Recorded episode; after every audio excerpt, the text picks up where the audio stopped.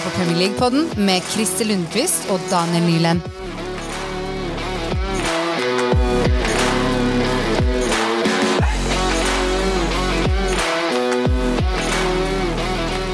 Hei og velkommen til Premier League-podden, en podkast som oppsummerer ukas viktigste nyheter fra Premier League.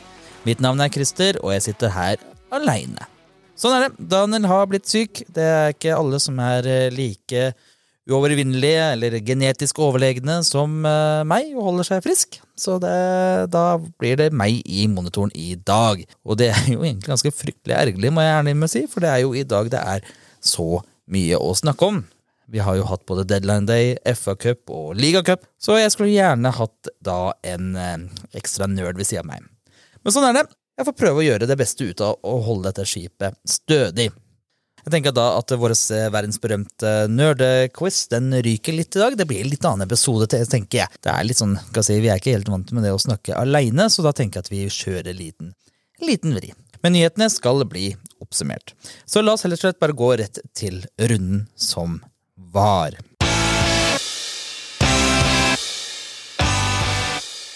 Runden som var, er den spalten vi trekker fram de store høydepunktene, de store hendelsene fra runden som har blitt spilt. Og som jeg sa innledningsvis, det har jo ikke blitt uh, spilt noe særlig Premier League-kamper, men det har vært cuper.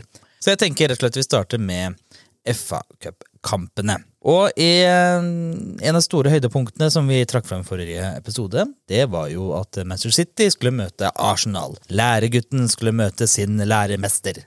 Og det viste seg det at han eh, læremesteren Guardiola hadde noe ekstra S i ermet overfor Arteta sin Arsenal-gjeng og vant kampen 1-0.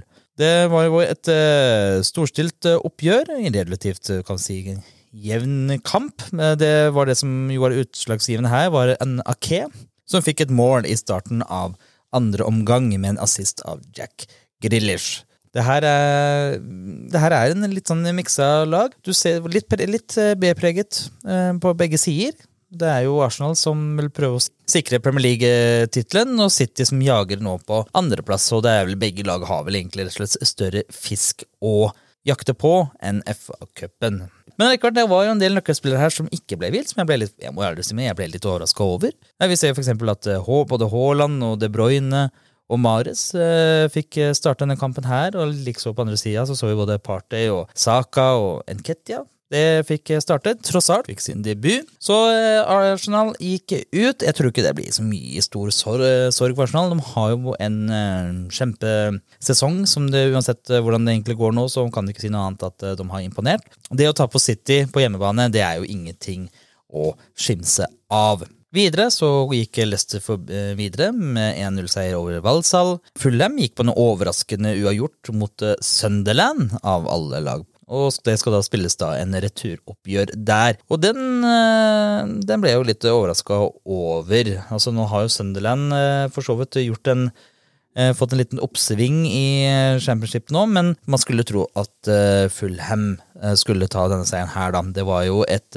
A-preget lag som Sunderland møtte, men det holdt ikke. Det ble et returoppgjør der. Videre så må vi jo snakke om en av de store overraskelsene. Det, har, det er det som er litt interessant. Det har jo egentlig ikke blitt en så stor overraskelse som det kanskje burde vært, men, men nå har Liverpool rykket ut av FA-cupen. Og den, eh, den, tunge sesongen til Liverpool den vil rett og slett ikke gi seg. Brighton slo eh, Liverpool 2-1 her. Og det starta egentlig ganske lovende bra, der unggutten Harvey Elliot, supertalentet, eh, skårte mål etter i første omgang, men det tok ikke mer enn bare ti minutter, så hadde jo Louis Dunk dunket inn målet. Det så lenge og vel jevnt ut. Det var Begge laga hadde skapte sjanser og var store. Brighton må vel egentlig påstå var Eh, bedre og skal, ja, skapte mest, vil jeg påstå. Men det er da stjerneskuddet Mitoma som selvfølgelig avgjorde det da på overtid. Fy søren, han, han, eh, så Altså, han var god i den kampen der. Mitoma har eh, altså, Jeg vet ikke helt hva Brighton gjør det, men den derre speidernettverket til den klubben, den er, eh, den er god, altså. Og den Ut av intet. Der har du det japansk målmaskin, eller ving kjempe på sida der som eh, bare braser gjennom alle, alle eh, lag her, og det er kjempegøy. Så Liverpool ryker ut. Da er de både ute av FA-cup, ligacup, og ja, nå har de vel Real Madrid de skal møte nå i Championship, hvis jeg husker riktig. Og da Den formen de er i nå, så virker ikke det så lovende. Så det virker som det at det her kan fort bli en veldig tung, tung sesong for Liverpool. Det er vanskelig å se om det her, at det her kommer til å snu nå i løpet av våren. Vi får nå se. Vi får håpe Nei, hva skal håpe? Det er jo faktisk litt gøy, men ja, vi får nå se. Vi får se hvordan det går, men det er kanskje greit for Liverpool å kunne nå bare fokusere og se om de klarer å karre seg oppover i Premier League-tabellen og komme seg til Champions League. Vi får se. Ellers så var uh, United en, uh, en, grei seier over Reading. 3-1. Til, til, og med rødt kort til Reading. Og for dere som liker litt uh, Hollywood-stjernestøv over, over, fotballen, kan jeg også informere om at Ryan Reynolds sin Wrexham imponerte og klarte da å spille uavgjort 3-3 mot Sheffield United, altså en non-league-klubb mot et championship-klubb og skal spilles da et returoppgjør. Det er sterkt.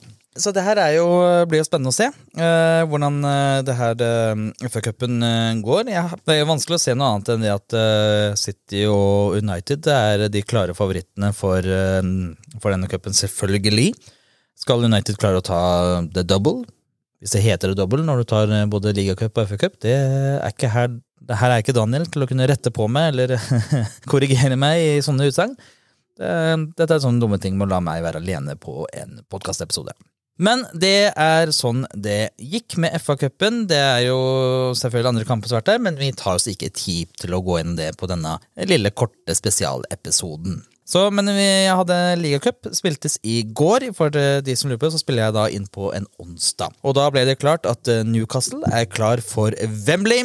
Det blir gøy. Newcastle uh, må man si fortjent gikk videre. Det var uh, desidert, uh, desidert det beste laget, i hvert fall fram til siste delen av andre omgangen. For da hadde vel egentlig Nathan Jones hive på alle som kunne, så å si, eh, skyte. Offensiv skyts, eh, det var, eh, det var topptungt. Jeg tror det var en periode der de rett og slett bare hadde én forsvarsspiller i, som holdt en linja bak. Det, var, det, det skal Sandton absolutt ha. At de kjempet og prøvde virkelig med nebb og klør å få kommet seg og skulle komme seg videre. Det, det endte jo totalt så endte jo det her 3-1.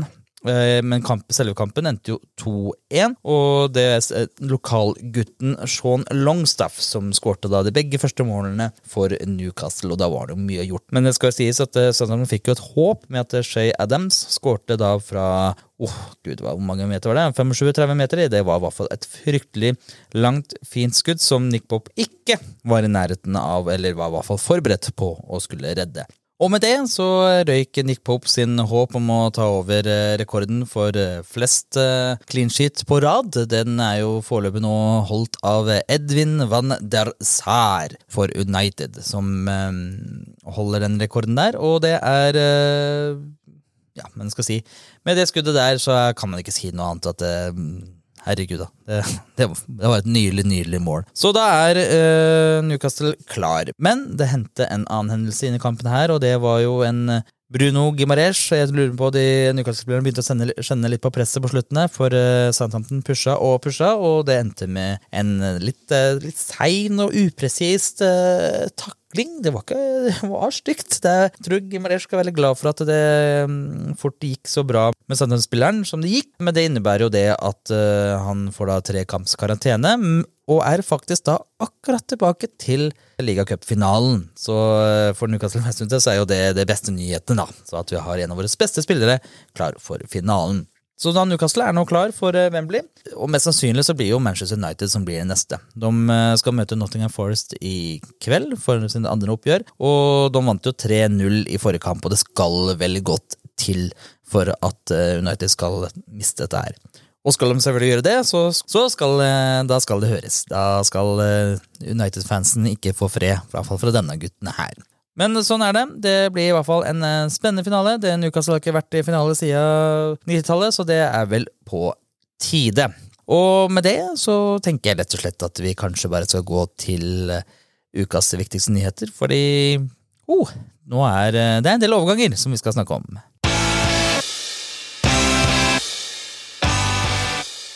Ukas viktigste nyheter er den spalten vi oppsummerer eh, nyhetene fra Premier League. Eller i hvert fall de nyhetene som påvirker Premier League, enten direkte eller indirekte. Og vi har jo egentlig to store nyheter i denne episoden her. Overgangene er jo den andre nyheten, den kommer vi tilbake til, men den største nyheten er jo at Everton har fått seg en ny trener. Og det da, ble da ikke Bjelsa, det ble ikke Hasselhutl, det ble Sean Dyche. Tidligere, tidligere Burnley-treneren som fikk sparken i tampen i fjor da Burnley holdt på å rykke ned. Hatt en liten pause før han har eh, nå tatt over Everton-skipet. Og jeg må jo si at jeg syns jo er uh, Uff.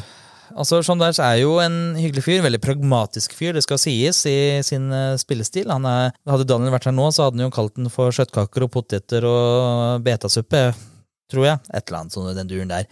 Og det handler jo litt om det at han har jo en veldig eh, Iallfall under Burnley, en litt sånn destruktivt eh, fotball, litt negativ fotball. Her litt Der fokuset er litt mer på å ødelegge spillet for motstanderen, for å da eventuelt komme med et eh, langskudd til den tida Chris Wood var der, som kunne da heade inn eller, i mål. da. Og det, det, fungerte jo. altså Han holdt jo Burnley lenge oppe i Premier League, så, så, sånn sett så var det jo en taktikk som fungerte for den spillematerialet de hadde. Uh, hadde jo en 35 uh, winning rate, eller et eller annet i den duren der. Så nå tar han over Everton. Et skakkskjørt, skakkskjørt uh, skip der fansen har fått nok og eiere som ehm, veit, veit vel ikke hvordan man skal egentlig styre et fotballklubb. Det kan man egentlig ganske si med sikkerhet. Nå har de da gått for Sean Dyche som en ehm, som en nødløsning for å prøve å redde dette laget. her da. Så vi kommer jo tilbake til det. Nå har de jo i overgangsvinduet, men de jo, kan jo avsløre det nå, at de har jo ikke kjøpt noen spillere. De har solgt sin beste spiller Anthony Gordon, som ja, som uh, var jo en av de grunnene til at de holdt seg i live i forrige, forrige, sesong. Det er tungt det er tungt for sånn der, da. Han fikk et to og halvt års uh, kontrakt. Han, det var vel en av de tingene som tok litt tid før han fikk gått gjennom denne omgangen her. For at han ønsket ikke å bare ha en kontrakt nå fram til sommeren, ville sikre seg litt mer. Litt mer dyrere å sparke, det er vel kanskje det jeg sikker på. Hvis du skal først ta en ny jobb som de fleste burde ta med en ildtang, så burde man jo sikre seg at man får få betalt, i det minste. Og det gjør den jo. Det blir jo um, ja, en liten sånn sidenote her. Han, uh, vi snakker jo veldig mye om han uh, Duncan Ferguson. Når er det, og jeg spurte jo i forrige, forrige, episode om når skal Duncan Ferguson få en sjanse. Det har han fått nå. Han har faktisk blitt manager for, for Forest Green Rowers. Det syns jeg er litt gøy, når du snakker om en som du garantert spiser kjøttkaker til middag, så har da tatt over til, til den miljø- og økovennlige Forest Green Rowers. For de som ikke helt veit hvorfor jeg sier økovennlig, så vil jeg anbefale uansett å sjekke opp det. For det er egentlig et veldig spennende prosjekt for de som bryr seg om miljø og Eller i hvert fall er veldig miljøbevisste, da. For Screen er et uh, veldig, veldig spennende prosjekt når det kommer til det. Så hva skal man da uh, egentlig tro om dette her, da? Med Sean Dyche? Jeg, jeg, prøver å være litt sånn bevisst på det at øh, Å ikke dømme spillestilen til en trener som har primært hatt én klubb. Han har vært manager for øh, Burnley i 425 kamper, og han var faktisk starta i Watford. Det er første klubben han har vært trener for, i 49 kamper. Og Burnley har jo sine økonomiske begrensninger, og når du får råd til å kjøpe flesk og potetmos, så spiser man jo flesk og potetmos, da. Bare for å fortsette litt der eh, matanalogien til Daniel. Så at eh, Everton har jo ikke de samme spillerne som Burnley. De har jo faktisk eh, noen spillere som kan gjøre mer og er mer kreativ, og du har jo en spiss der, i hvert fall når han er frisk. Han, Calvin Lewin kan faktisk gjøre mer enn bare å heade ballen og være stor. Så det blir jo selvfølgelig spennende, men han tar jo over et uh, skakkskjørtlag som ikke kan som ikke har vært organisert på siden av Rafa Benitez, var det. Det er vel faktisk et år siden. Så jeg syns det er vanskelig å se her, uten å, ja, uten å demne opp bak, da.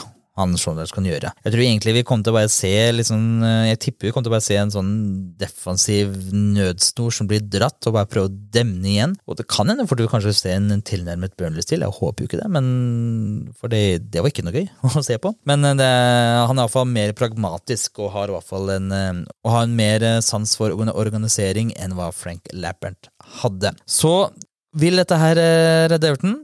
Nei, jeg tror ikke det. Jeg tror, jeg tror det er større sjanse nå enn en med Bjelsa, som var favoritten. Uten tvil. Det er, det er jeg ganske overbevist over. Men jeg er ikke så heldig overbevist at det kommer til å gå bra. Ikke har kjøpt inn spillere. Som sagt, Sean Dyche.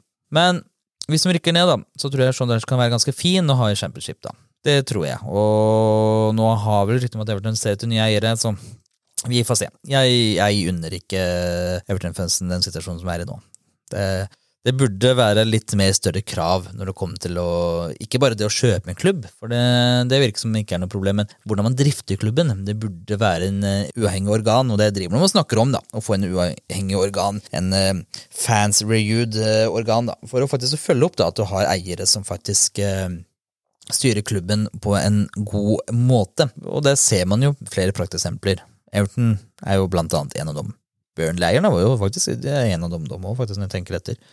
Det er jo en klubb som har satt Burnley i en stor, stor gjeldssituasjon, så nå ser det ut som de rykker opp, så ser det ut som det, det kommer til å gå bra. Det er jo, det er jo vel og bra, det. Ellers så hadde jo fort kunnet blitt en, blitt en det, gått dårlig med Burnley, da. Eller gått, ja. Så vi får nå se. Men en måte å se om åssen eiere de har, det er jo å se på eh, overgangene. Hvordan de gjør overgangsmarkedet. Så vi kan bare gå til da neste nyheter, som er overgangene.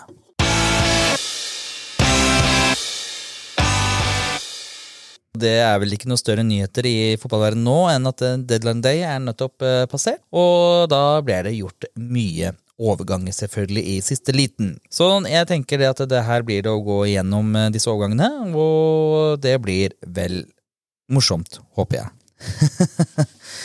Uff. For dere som ikke har drevet med podkast før, så kan jeg si det at det å holde på med en podkast alene, det er ikke like gøy som å ha noen å snakke med, altså. Veldig rart. Nå ser jeg egentlig på en vegg, og det er ikke mye respons der, klart. Daniel og en vegg, det er ikke sånn sett at ansiktsmessig, det er ikke, det er ikke så mye mimikk i trynet til Daniel, så sånn sett så er det ikke så gærent. Men uansett.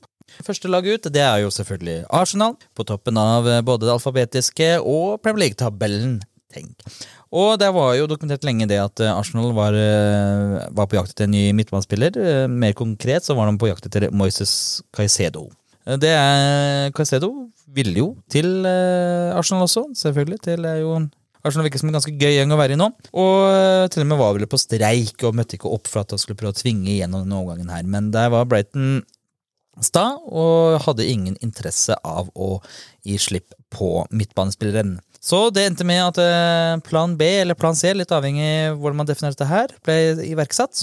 Og kjøpte da Chelsea sin Jorginho. 31 år gammel eh, defensiv midtbanespiller gikk eh, dit for rundt ja, 10-15 millioner pund de er jo egentlig sånn Statistisk sett så var de ikke så, er de ikke så ulike når det kommer til mellom uh, Caicedo og, og Jorginho. Uh, Jorginho er jo veldig veldig god på straffer, det skal jo sies. Da Så uh, da får du i hvert fall en veldig rutinert spiller som har blitt nå han har blitt 31 år. Og med alle de kjøpa Chelsea har gjort, så måtte vel de også bli kvitt noen spillere, så det her var jo en, en handel som ga mening. Og ut, der eh, har de da lånt ut en eh, ung, ung gutt, eller ung talent, av en spiller som heter Markinios. En 19 år gammel høyreving som eh, ble lånt ut til Norwich. Og, og, det tenker jeg nok er en spiller som er verdt å merke seg litt for fremtiden. Veldig ung, kjapp, god spiller som jeg, jeg tror vi skal komme til å se mer av i fremtiden. Ellers så er det jo verdt å nevne at uh, Cedric Suárez, høyrebekken, ble da lånt ut til Fulham, men det kommer vi til tilbake til. Videre så var det flere spillere som ble lånt ut. Eh, vi har en eh, Albert Zambi Lokunga, som er en eh, sentral midtbanespiller, 23 år, som ble lånt ut også til Crystal Palace. Så det er også en spiller vi skal komme tilbake til litt senere. Og det var vel det Arsenal rakk å gjøre i dette vinduet her, og man kan ikke si noe annet at uh, Det er vel egentlig ganske godkjent overgangsvindu. Altså man har fått inn både ruterte spillere, så det blir spennende å se om disse kjøpene her er nok for å komme seg på toppen av Premier League-tabellen. Vi får se. Aston Villa, der var det ikke så mye mer som gikk inn i de siste ukene av transfer-vinduet, men det ble en, en, spiller som ble lånt ut til uh, Luton, og det var da The Marvelous Nakamba. For et herlig navn. 29 år gammel defensiv midtbanespiller. Uh, vi får se. Det er vel et tegn på at kanskje den spilleren ikke har så mye fremtid i Aston Villa. Vi får se hva Luton-oppholdet vil bringe. Så er vi over til Bournemouth, og Bournemouth har da fått inn to nye spillere. De har fått inn to unggutter. Den ene heter eh, Antonie Semenyo, som er en 23 år eh, gammel eh, spiss, kjøpt fra Bristol City. Så her får vi inn litt offensive alternativer, da. 23 år, har nå hittil spilt 22 kamper for Bristol City og skåret fem mål med og to assist, da. Ikke akkurat superstatistikk for Bristol City, så vi får se om uh, hvordan tar steget opp, men det er vel kanskje litt behov for å få inn uh, noe alternativ. Han er ennå ung til å kunne utvikle seg, så det blir noe spennende å se. Spiller nummer to er en, uh, en liten FM-talent, for de som bruker det som noe fasit, og det er Ilja Sabarny. Sikkert slik man uttaler det. En ukrainsk forsvarsspiller. Kommer fra, blir kjøpt fra Dynamo Kiev for ca. 24 millioner pund. Han er 20 eh, år, så om han har kommet inn for at han skal eh, litt for fremtiden, eller om han skal komme inn og gjøre en forskjell med en gang, det er ikke så godt å si. Men eh, det her blir jo en spiller som jeg tenker blir spennende å følge hvordan han tar Premier League-steget. Og neste på lista, det er Brighton. Og de har da fått inn en liten unggutt som heter Yasin Ayari. En svensk, svensk midtbanespiller. Kommer fra den svenske klubben AIK for uh, ca. 5 millioner pund. Og er, uh, han er 19 år, for, hvis noen lurte på det. Dette er nok en spiller som jeg tenker for fremtiden mer enn noe annet. Men i forhold til de som har gått ut, og nå er det ikke en som akkurat har gått ut akkurat nå, men han, uh, Shane Duffy han gikk jo til lån i, i sommer for, til Fulham. Men nå har i løpet av januarvinduet har denne overgangen blitt, eller dette låneoppholdet blitt gjort permanent. Så nå er Shane Duffy true and true en Fulham forsvarsspiller. Så da var den Brighton-eventyret over.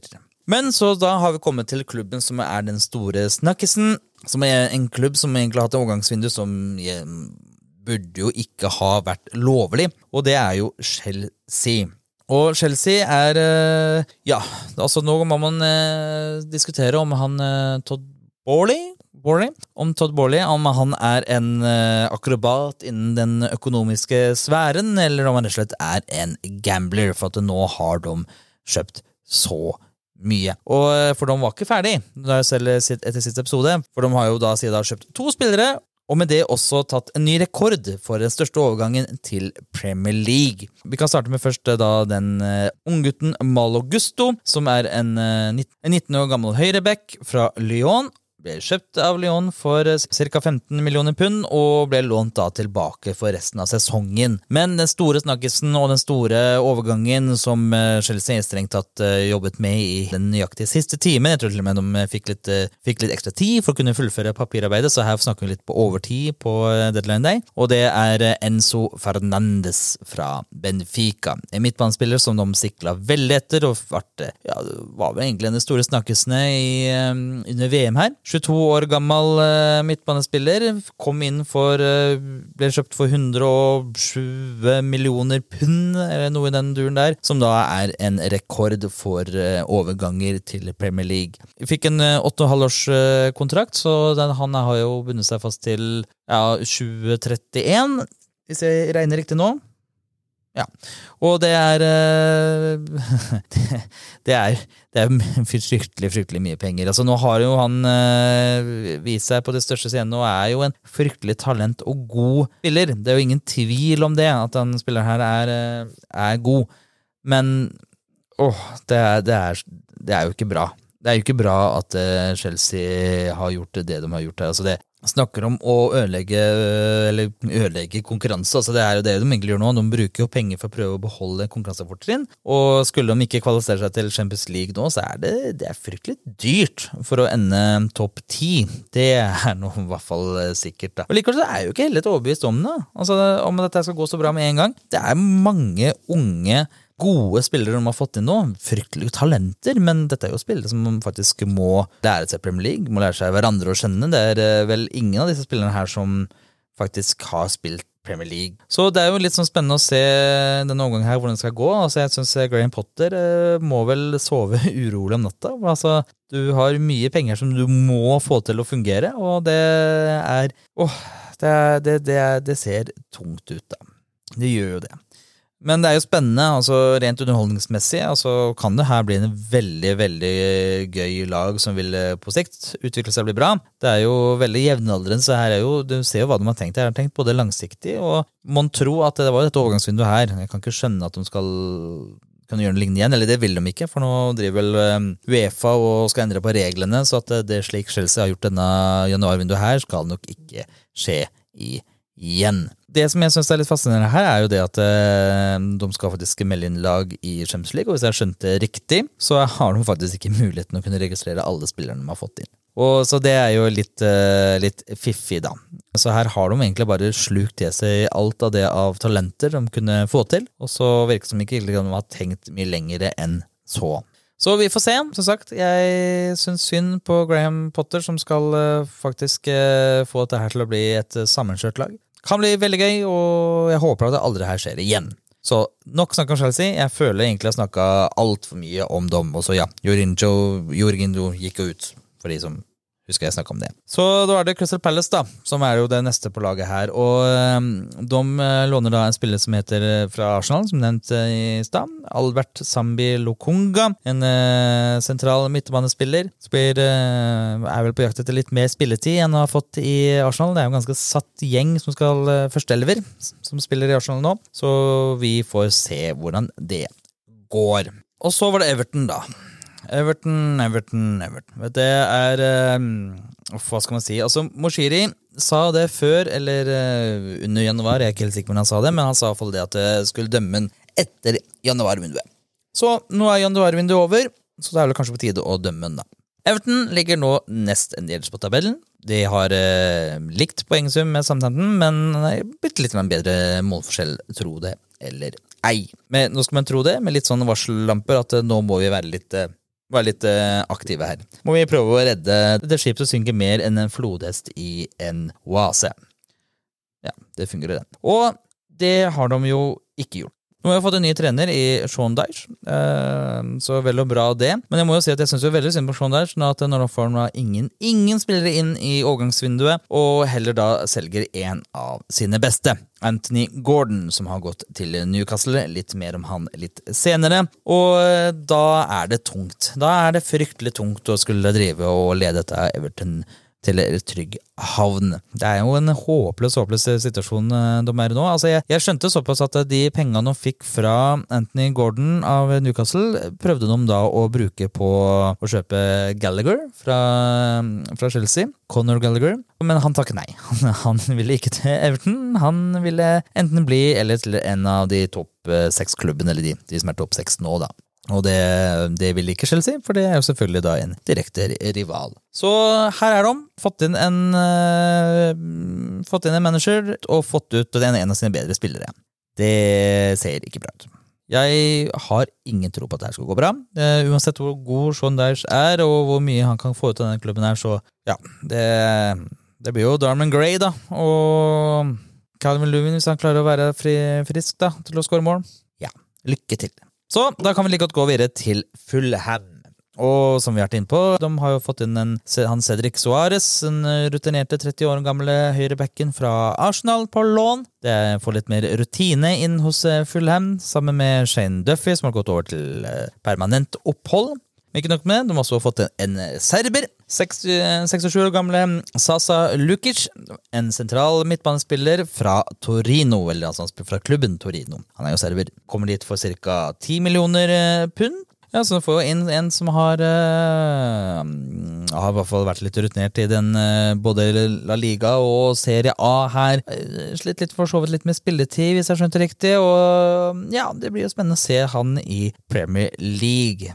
Leeds United øh, gjorde en av de jeg syns er den mest spennende kjøpet overgangsvinduet her. De har jo fått, fått inn en amerikansk midtbanespiller med navnet Weston McKenny. 24 år gammel, spiller opprinnelig i Juventus, kommet på lån, og det er vel lån med om det var muligheter for oppkjøp, obligatorisk oppkjøp, det ble jeg litt usikker på akkurat nå. Det blir fryktelig spennende å se i Premier League. Han er jo veldig sterk når det kommer til, å, til den defensive biten, men har vist seg å kunne ha noen fine avslutninger, altså. Så det kan hende seg brått vi kan forvente å se noen overraskende mål der. Er det noe man skulle eventuelt eh, se og håpe han kunne bli litt bedre på, så er det jo for så vidt pasninger. Men eh, det her er uh, Leeds har ikke noe problem med å skåre mål. De har vel mer eller mindre problem, problemer å holde nullen, eller i hvert fall slippe minst mulig mål. Så det, det er et uh, lån som jeg syns gir mye, mye mening.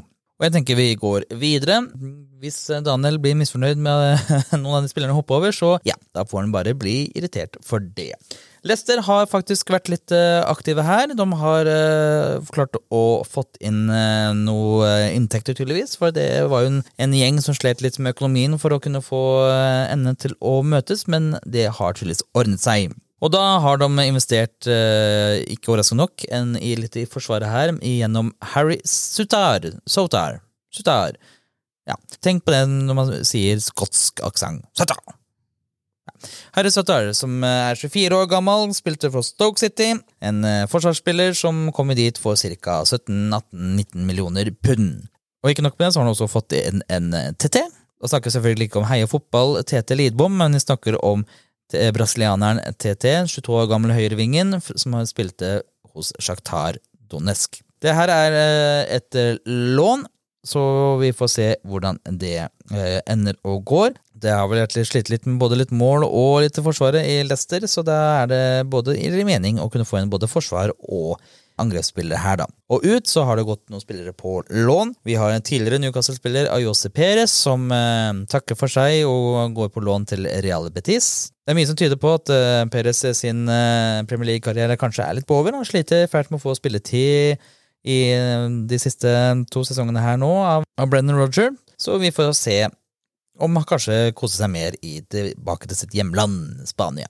Eller så har også eh, Mark Albretton gått også ut til lån til West Brom. Eh, begynner å bli 33 år gammel, begynner å dra greit på åra, så det vel, er vel på tide å skifte litt eh, divisjon. Liverpool eh, endte med et beskjeden avslutning på overgangsvinduet og gjorde ikke så mye mer, så vi bare hopper egentlig videre til City.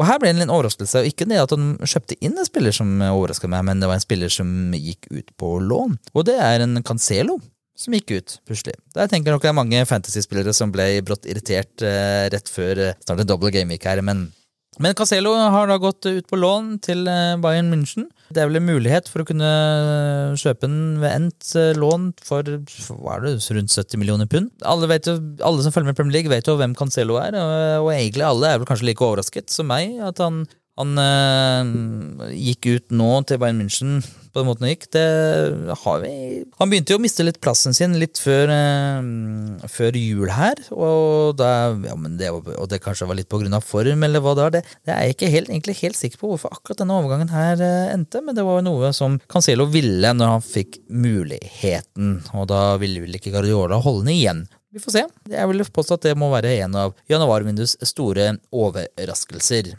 En annen overraskelse, vel for, for meg i hvert fall. Manchester United trengte jo å styrke midtbanen sin, spesielt nå som han eh, Christian Eriksen har blitt eh, langtidsskadet. Hvis ikke ut resten av sesongen, så er det i hvert fall til eh, de siste kampene. Og her har da østerrikeren Marcel Sabitzer kommet inn fra lån fra Bayern München. Så, um, og det er vel en spiller som i hvert fall på statistikk, statistikken er ganske lik Eriksen, uh, ser jeg. De har uh, like mange sjanser og kreative skudd, så det, det virker jo lovende. Det, altså på, hvert fall på papiret så virker det som de har uh, funnet en fryktelig, fryktelig perfekt erstatter for Eriksen. Så er det jo spørsmål da, å se om han faktisk da faktisk klarer å ta den overgangen fra Bundesliga til Premier League på 1-2-3, eller om det blir en liten overgang der, da. Vi får nå se. Men det er jo i hvert fall en spiller som har eh, primært holdt seg i Bundesligaen og Østerrik, østerrikske ligaen, gått eh, gradene i Han er jo en, en eh, Leipzig-produkt, eller Red Bull-produkt kan man egentlig kalle det, så får man se etter når man har disse vingene sine med seg. Ut så er vel, kan man vel nevne at uh, ung Eller ung, det er han kanskje ikke noe lenger. Han har blitt 25, han, ja. Ah, hør der. Aksel Tronsebe, 25 år gamle midtstopperen, har da gått ut på lån til Stoke. Han er 25, ja. Den, den så jeg ikke helt uh, Det trodde jeg ikke han ble så gammel. Det lukter vel det at den spilleren kommer nok til å forsvinne fra United i sommer, da, tenker jeg. Har jo vært lenge ansett som en uh, ung talent, men når du er 25 år, så er du ikke lenger en ung talent. Da er du en spiller. Og da er det om å gjøre å finne nivået sitt, så man får faktisk da spille førstelagsfotball. så, så enkelt kan man si det. Newcastle står neste på lista her, og der kom det inn to spillere i Sisseliten. Begge er 21 år, men spiller ikke på samme sted. Overraskende. Og da kan vi jo starte med unggutten Harrison Ashby, som kommer for, eh, fra Westham. Høyreback kommer for den nette sum av tre millioner pund, tror jeg. så cirka. Dette er jo en spiller som kontrakta gikk nå ut i sommer. Westham har prøvd å binde fast. Han er blir ansett som en ganske grei talent. Starta vel spilt starta sju kamper for Westham hittil denne sesongen her, men det ville ikke la seg binde. Det er vel tenkt at denne personen her skal både følge og trenes opp og læres av Trippier. Altså det er her en tenkt tenkt at det er en person som skal ta over den rollen på sikt. Mye likheter tydeligvis mellom eh, Trippier og eh, Ashby, så det blir spennende å se da om Ashby klarer å lære mye. Og så har vi da Everton sin eh, gullunge som har forlatt sin rede. Anthony Gordon, 21 år gammel, kan spille på vel egentlig alle de topprollene, men det er vel hovedsakelig vingene, og da mer venstreving, som er vel hans primærrolle. Kommer for en nettesum av ca. 45 millioner eh, pund. Sett på som en av de større engelske talentene der, men har ikke hatt en spesielt god sesong nå denne høsten. her, Men det kan man egentlig ikke si at noen Everton-spillere har hatt.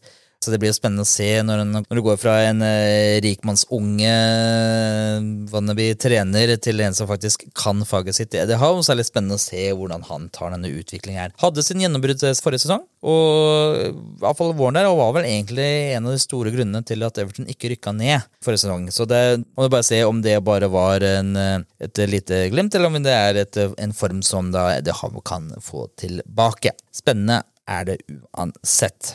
Åh, gud, så var det Nottingham Forest. Uh, Nottingham Forest, da. Dette er, dette er en grunn til jeg likte at Daniel egentlig gjør alt det der gjennomgangssnakket, for at det blir mye snakk, ass. så hvem er det som har da gått inn til Nottingham Forest? Ja, det glemte jeg å si. Vi kan starte med spilleren som gikk ut av Newcastle, for det glemte jo jeg selvfølgelig å si.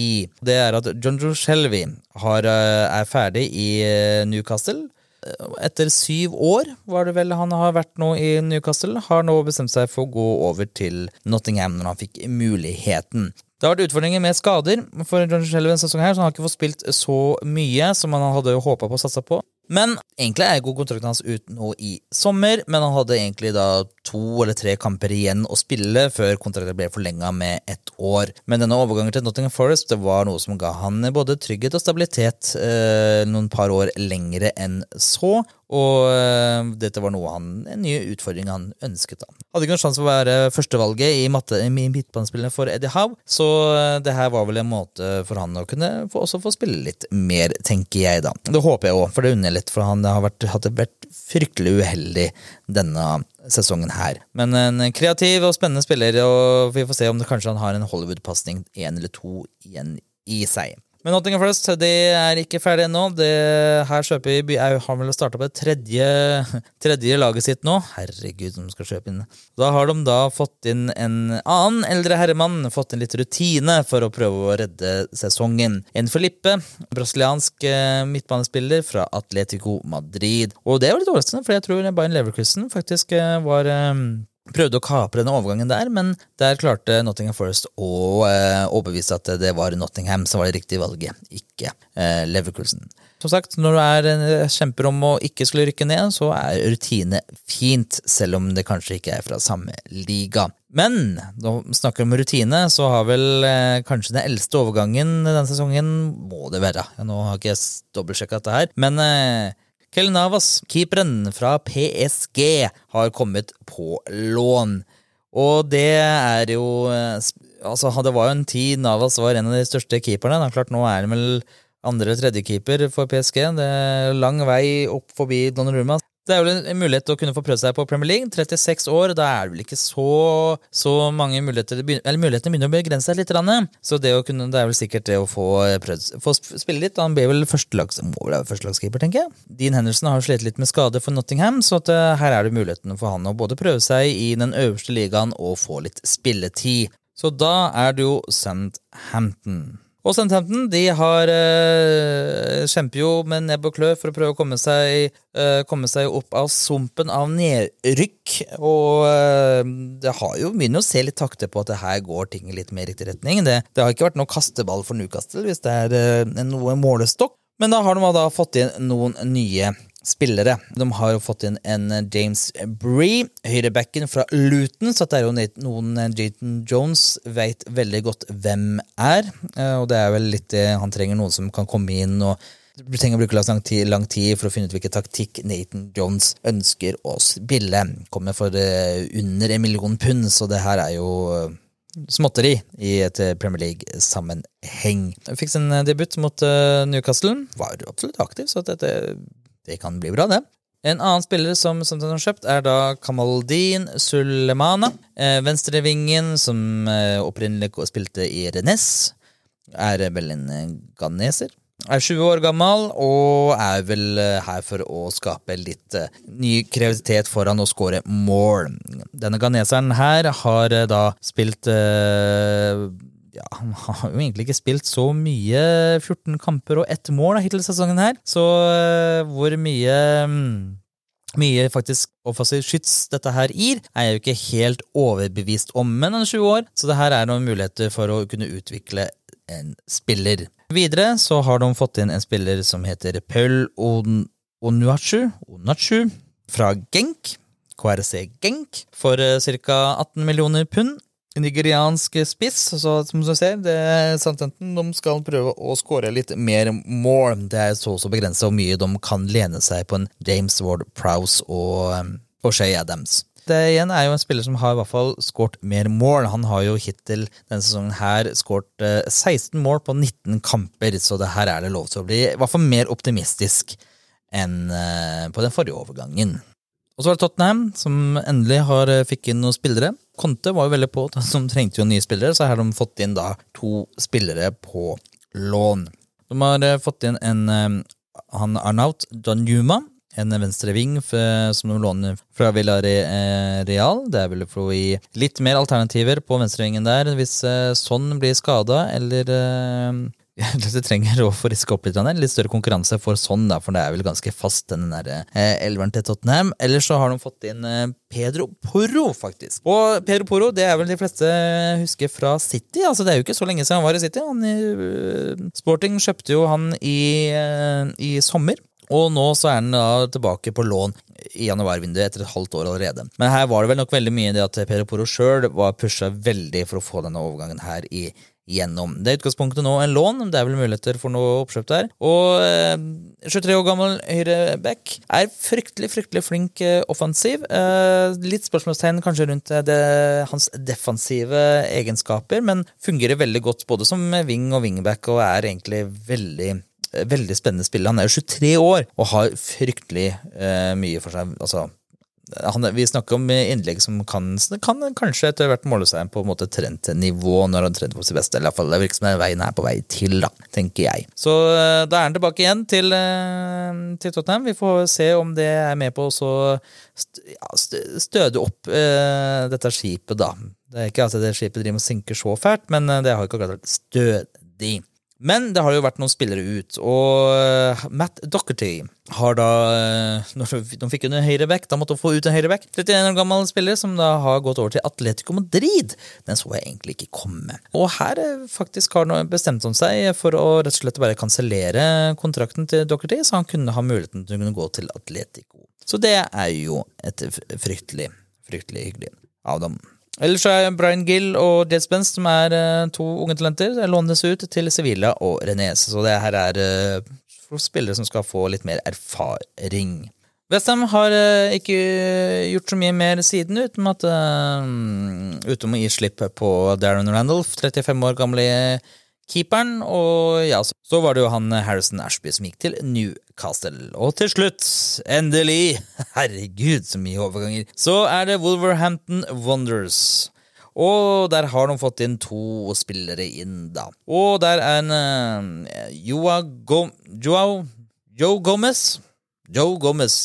En uh, sentral midtbanespiller fra Flamengo, brasilianer, 21 år gammel. Kommer inn for nærmere 19 uh, millioner pund.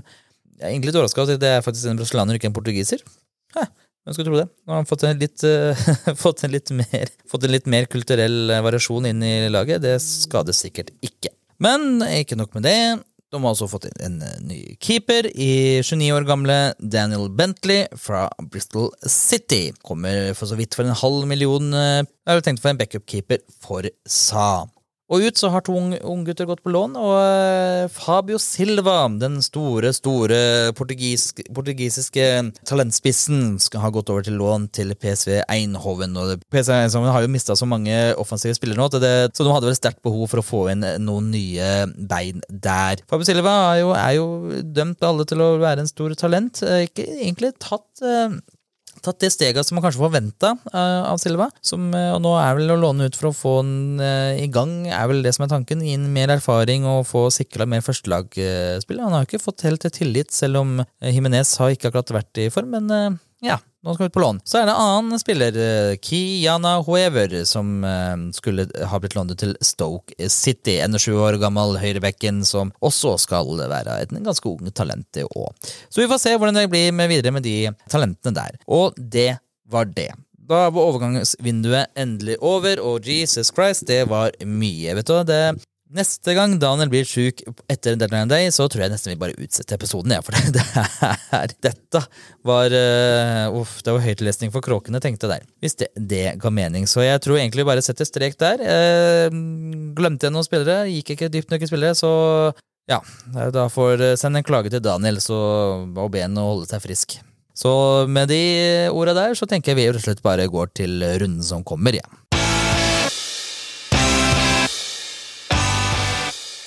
Runden som kommer, det sier seg sjøl. Det er den spalten der vi ser på de kampene som kommer, eller rett og slett vi velger ut oss noen kamper som vi tenker er verdt å prioritere og se av ulike grunner. Og eh, vi er endelig tilbake til en ordinær Premier League-helg.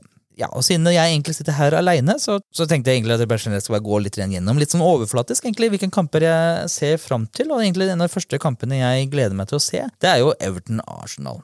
Everton, som vi har vært innpå med overganger, er jo egentlig strengt tatt gjort seg svakere i løpet av januarvinduet. Og dette her blir jo da også første kampen til Sean Dyche. Så nå, skal de møte serielederne Arsenal, som eh, Ja, nå gikk de eh, på en tap mot City nå, men eh, det ser jo ingen grunn til at det skal ha ødelagt både noe moral eller noe glede i det laget der. Og jeg må nok ærlig innrømme at jeg ser for meg at det her blir stygt.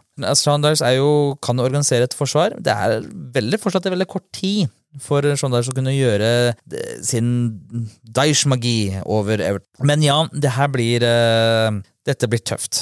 Dette blir uh, jeg tipper jeg nok blir tøft for, en, for Everton. Og kommer til å bli en tung start for Dyche. Så nå er jo fansen veldig bitter og veldig sure på både eierne, så jeg, ja, uff, jeg liker sånn der, så jeg håpet jo litt på at han ikke skulle ta denne jobben her, merker jeg nå, når han først, først snakker om det. For jeg tror ikke det her kommer til å bli en særlig god opplevelse hvis ikke han klarer da å snu skipet og vinne noen kamper. Men det kommer han ikke til å gjøre i denne kommer ikke til å gjøre denne helga her. Det er jeg ganske sikker på. Og andre kamp som jeg tenkte vi skulle snakke litt om, det er jo da det er jo rundens store, store kamp, og det er jo Tottenham-Manchester City. Nå er jo faktisk Conte han er eh, ikke klar til denne kampen her, av alle spillerne. Han har jo fått seg noen, skal noe galleblære som skal opereres ut, så han må rett og slett ta seg en pause. Så her blir det uten uh, surmulinger fra den siden, og det er jo kanskje litt sånn Jeg tror kanskje det kan faktisk være litt positivt totalt, jeg. Mer positiv, frisk uh, luft inn i garderoben der enn uh, det derre surmulinga hans som han driver med når ting ikke har uh, gått som han skulle ønske. Så, det, så jeg tror faktisk her skal det, det er litt gøy å se, alt gøy å se nå. Hvis Tottenham hadde slått City nå, mens han er eh, på sykehussenga, det hadde jo vært gøy interessant. I hvert fall vært eh, åpent rom for spekulasjoner. Nei, så Sånn sett så virker jeg jo veldig gleder meg litt til det. Eh, City-toget er City-toget. De eh, ser ut som de begynner virkelig å ta seg i form her. Mares er jo i toppform. Haaland er jo Haaland. Så at, eh, jeg tror jo her at eh, her at City skal vinne, men jeg tror at det kan kanskje bli ja Det blir jo enten eller med Tottenham, da. Enten så blir det her en kjempekamp uh, av Tottenham og kommer til å briljere, eller så blir det jo en kollaps. Det er litt vanskelig å si. Det er det som egentlig er litt sånn klassisk med Tottenham, at det er litt vanskelig å si hvem lag er det som egentlig stiller opp her. Det veit du jo egentlig ikke før, uh, før, det har gått til 60 minutter. For det er da som regel Tottenham våkner opp igjen. Nei, så vi får se. Så det er jo de to kampene. Veldig kort og greit. Jeg prøver å gjøre denne episoden eh, så grei og enkelt. Jeg vil begrense hvor, hvor gøy det er bare å høre jeg snakke. Kanskje. Eller kanskje det har vært mye morsommere. Kanskje vi skal sparke Daniel fra podkasten. Nei, nei, nei, nei, kan ikke gjøre det. Kan ikke gjøre det. Jeg kan merke at jeg savner å ha Daniel her, så jeg håper han i hvert fall blir frisk til neste episode. Da er vi tilbake. Håper jeg vi er mannesterke da. Og, men fram til da så har du råd har du noen tips? Har du noen anbefalinger? Da kan du ta kontakt med oss på Instagram, for der heter vi ja, Søren, hva heter vi der, da? Er det, dette er for Daniel egentlig får alltid den jobben der. Er det PL-podden? Jeg sjekke. Ja, det er, det er det, vet du. Vi heter PL-podden med to d-er. Sånn var det Daniel alltid sa det. Da er det egentlig bare å ønske god fotballhelg, og så snakkes vi!